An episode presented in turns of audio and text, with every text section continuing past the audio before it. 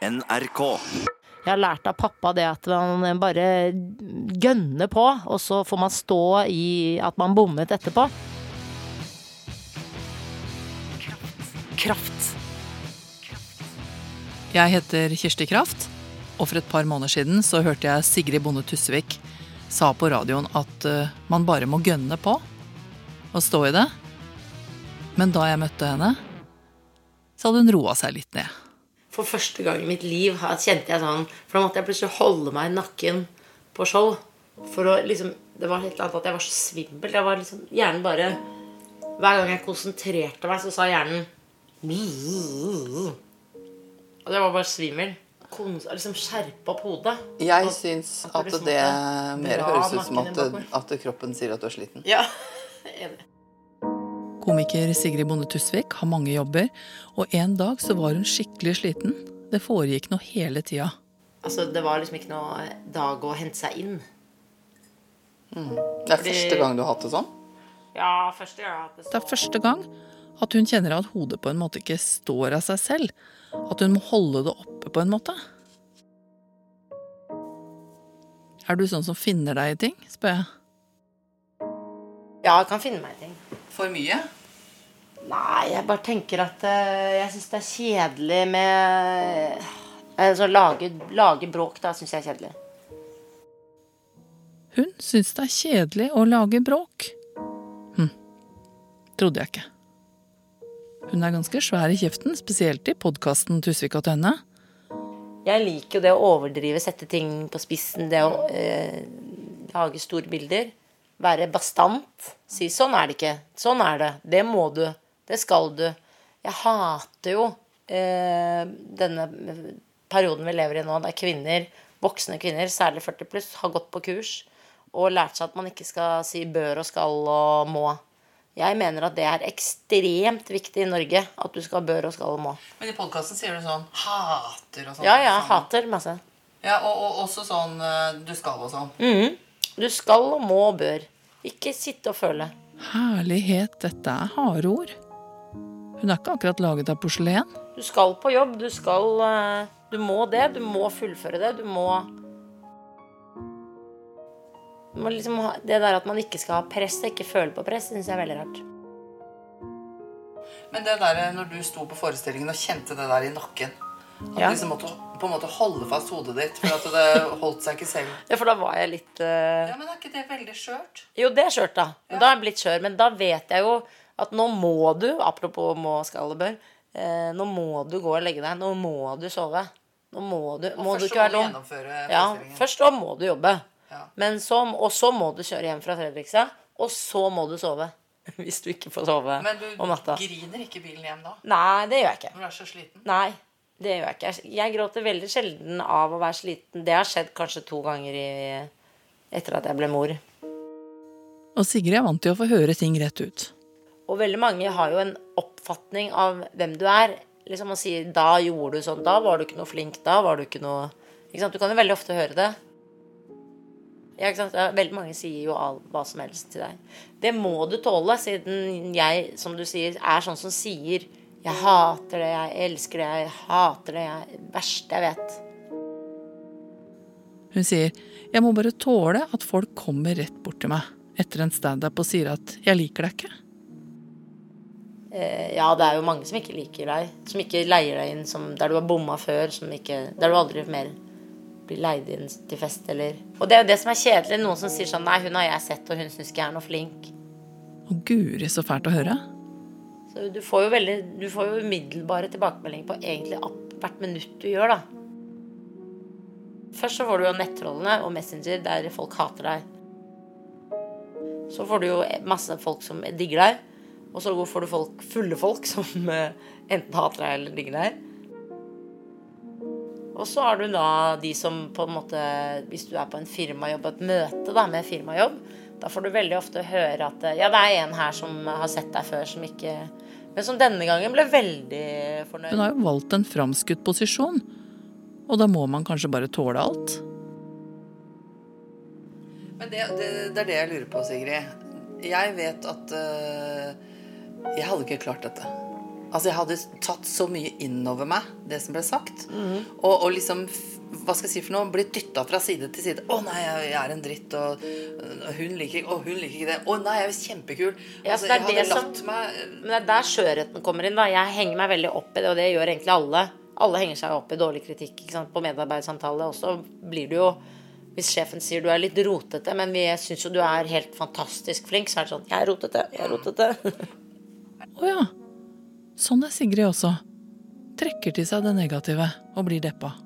Er du nesten der noen ganger at du liksom jeg, Du kan jo ingenting. Ja, ja, ja. Og det som er jo gøy, er jo at du Jeg er jo veldig ofte leid inn som komiker, eh, eller egentlig som sånn konferansier og sånn, på veldig mange kvinneseminarer.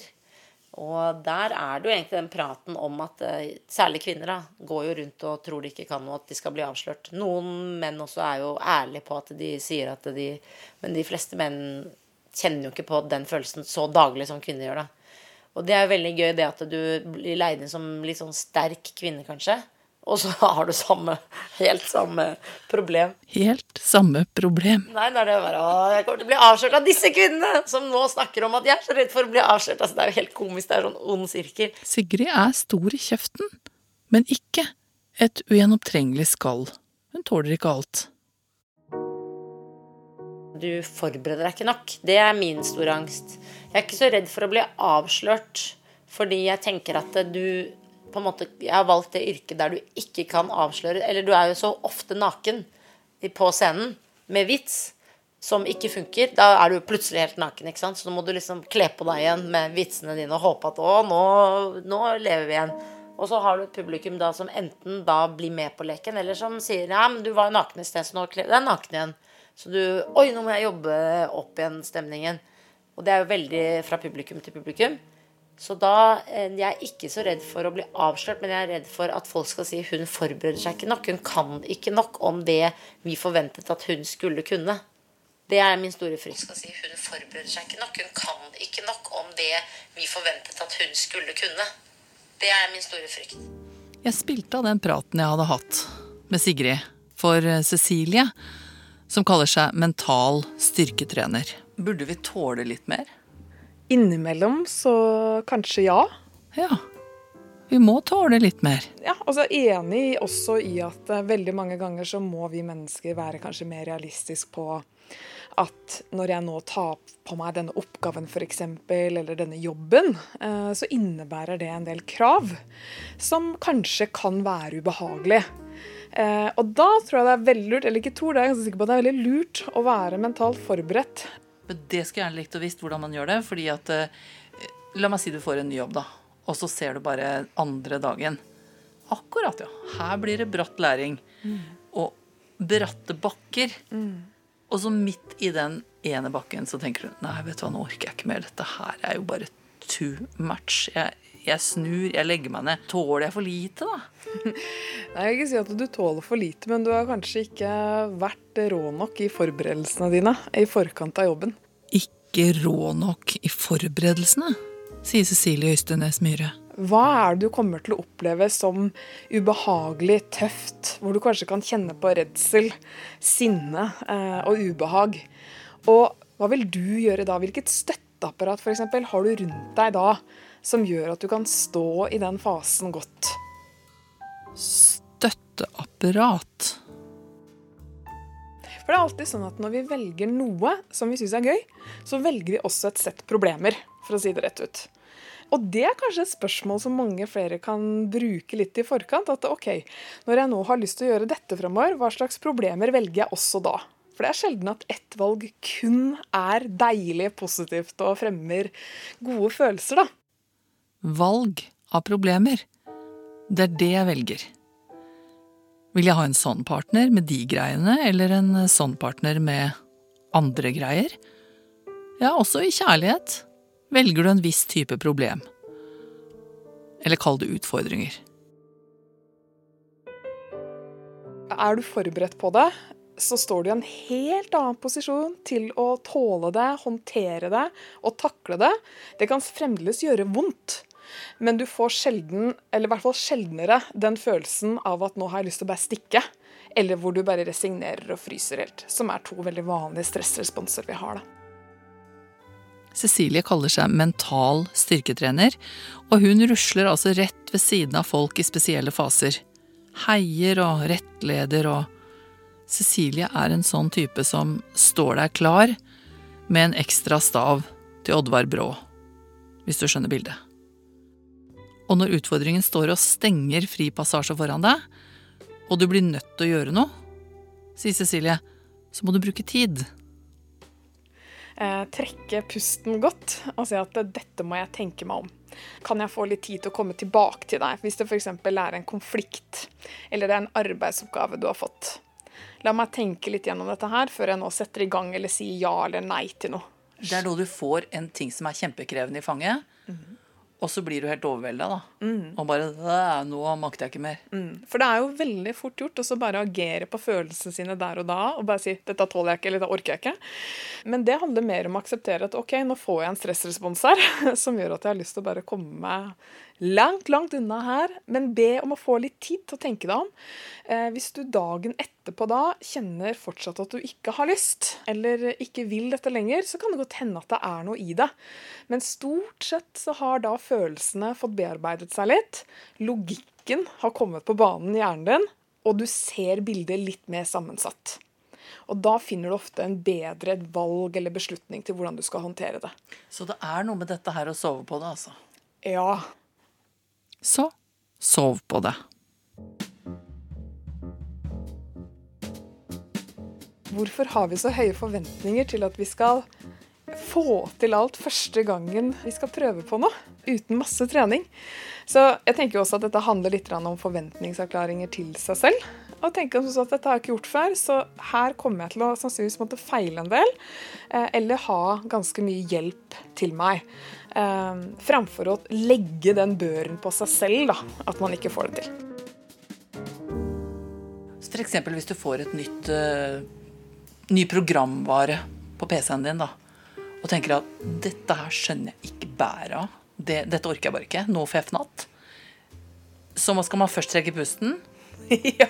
Og håpe at arbeidsdagen er over snart, og så man kan gå hjem og sove på det. Komme dagen etter. Og så skal jeg da sette meg ned ved PC-en og si dette kommer til å ta litt tid, jenta mi, men eh, du skal se at allerede i morgen skjønner du bitte litt. Altså være litt tålmodig, på en måte? Ja. Eh, veldig god holdning. Og det du i tillegg gjør der, som er et sånt snakk til deg selv sånn som en god kollega eller venn hadde gjort, da. Du, slapp av litt. Du har ikke jobbet med den programvern før. Dette ordner seg. Du kommer kanskje til å bruke litt lengre tid enn en hun andre som har gjort det mange ganger før, men det skulle bare mangle, eller? Ikke sant? Ja, for det er det som er panikken, vet du. At du ser de andre har kommet lenger, holdt jeg på å si. ja, ja. Men du har altså kommet lenger på andre ting. Det er lov å være vanlig. Det er, alle er vanlige. Altså ikke stressa, da, på en måte? Nei, ha stor grad av selvomsorg. Eh, og det er, jeg må bare poengtere, det er ikke det samme som selvmedlidenhet. Hvor vi syns synd på oss selv. Eh, men det handler om å være litt raus eh, i en fase der du kjenner at du ikke er helt trygg og komfortabel. Da kommer du til å si at OK, jeg får faktisk til dette her også. Når jeg gir meg litt tid. Når jeg puster og jeg kanskje ber litt om hjelp etter hvert. Og det betyr at neste gang du står overfor en ny oppgave som fremmer litt samme type følelse, så vil du ha en ganske god oppskrift på hvordan du kan komme deg gjennom det også. Og da blir vi mye mer robuste. Og det vil si at du vil tåle mer og mer og mer. Og så er det noe med å være litt realistisk. Men det er jo så vanskelig innimellom. Det er sånn at liksom du føler at det knaker i hjernen, kanskje. Eller i følelsene. For noen ganger så er det jo følelsesmessige vanskelige ting vi står i der kommer litt det der frie valget i bunn. Fordi du har så synes, hatt lyst til å ta den nye jobben, f.eks. Og det tenker jeg må ligge i bunn, at du vet at du anytime kan trekke deg ut av det. Eh, for da finner du jo motivasjonen til å ville stå gjennom også de vanskelige situasjonene. Men hvis du f.eks. har tatt på deg jobben uten at du har en indre motivasjon til det, da tror jeg ikke du vil finne viljestyrken heller til å ønske å tåle de tingene. Men det er klart at jeg vet at denne jobben gir deg også så mange gode ting at uh, hvis jeg nå lærer meg også å mestre disse tingene som jeg syns er ubehagelige, hvordan vil det da se ut? Det blir en litt annen vinkling. Men er folk i dag noen pingler? Se for deg menneskene på 1600- og 1700-tallet. Tror du de var motivert? Følte at ting var selvvalgt og alt sånt? Nei, jeg tror de fleste bare krummet nakken og gikk på. Fordi de måtte, fordi ingen hadde gitt dem noe valg. Vi snakker om å sette grenser og høre på sin indre motivasjon osv. Kan det være at vi gjennom hver generasjon bare lager mer og mer pjuskete mennesker? Som snart ikke tåler noen ting? Jeg kom over en veldig interessant studie her om dagen som eh, viste at eh, det vi kaller for eh, Z-generasjonen, altså de som er født etter 1994, de har mye høyere grad av angst og depresjon enn millenniumsgenerasjonen som er født mellom 82 og 94. Og det forskerne mener, er jo at det kommer veldig mye an på hvordan vi både har oppdratt av denne Z-generasjonen, Eh, og at de også i tillegg bruker langt mer tid foran PC eh, og sosiale medier i stedet for å ha sosial interaksjon med andre mennesker, og i så fall også trene seg på ja, Det kan være alt fra avvisning, eh, tøff lek, ting da, som gjør at vi tåler litt mer. Da er vi litt inne på det som Sigrid Bonde Tusvik sa igjen. Du må det. Du bør det. Den siste generasjonen har altså sittet så mye med nesa i mobilen og hatt kontakt via skjerm at de nesten har et teoretisk forhold til hvordan det føles å fysisk bli skubbet og dytta på. Og Det er klart igjen, det, det, henger veldig sammen med det vi snakket om tidligere, at vi blir gode på det vi trener på. Sånn at hvis vi aldri utsetter oss for ting vi syns er litt stressende, så lærer vi oss heller ikke strategier eh, for å håndtere det. Man må øve seg på å ha det litt vondt? Ja, Litt vondt hver dag?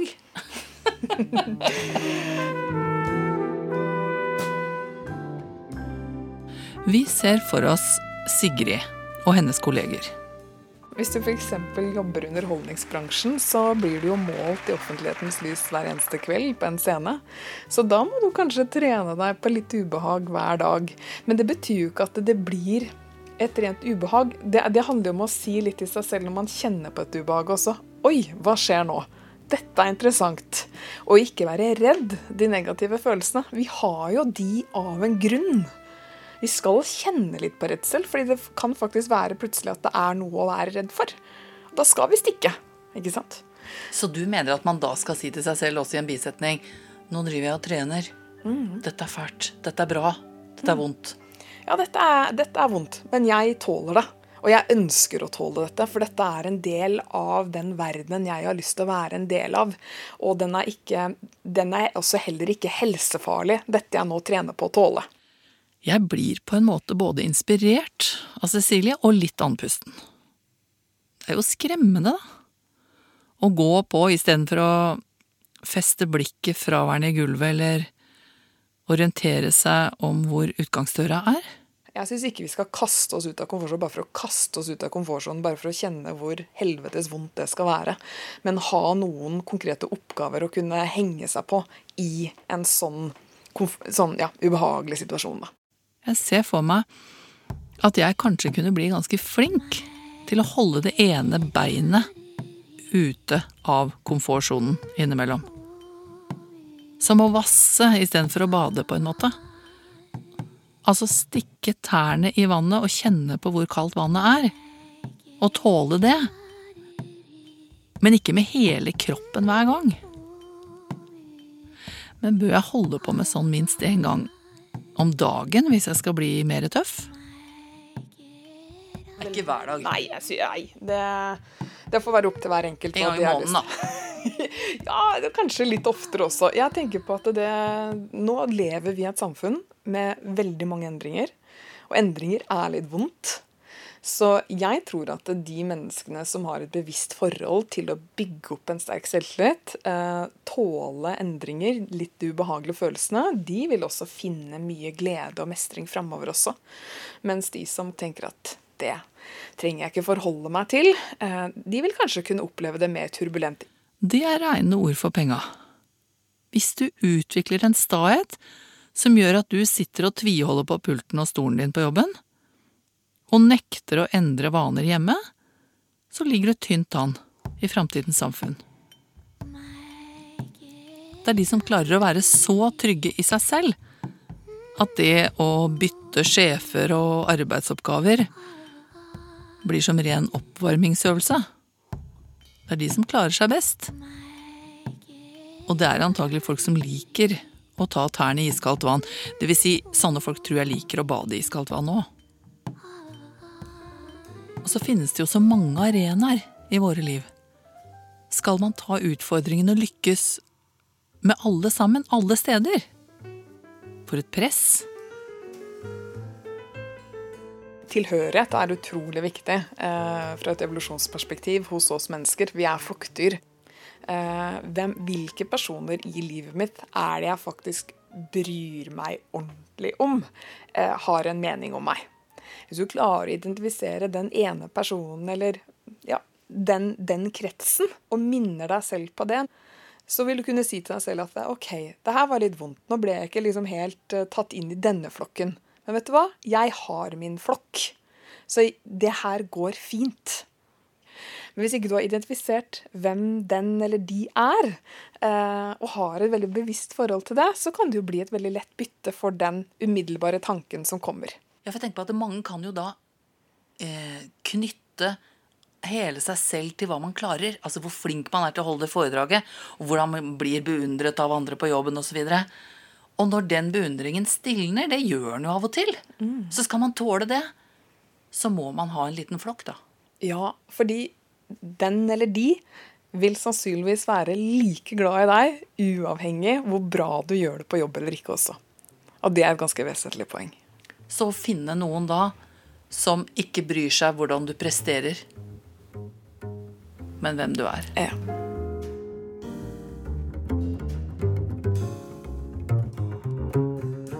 Ja, for vi må slappe av også. Ta vare på våre hardt prøvede tær, som har vasset i mye iskaldt vann. Kanskje ta på oss tjukke raggsokker og virkelig få opp varmen. For like viktig som å bruke en masse krefter på å være fleksibel og modig og snakke beroligende til oss selv når utfordringene kommer. Like viktig er det å unne seg noen friminutt. Hvor raggsokkene, joggebuksa og popkornet er det eneste som teller. Unn deg det. Og skriv til Kraftredaksjonen hvis du får lyst til det. Adressen er kraft, krøllalfa, nrk.no. Jeg heter Kirsti Kraft, og konsulent er Hege Dahl. Kraft. Kraft.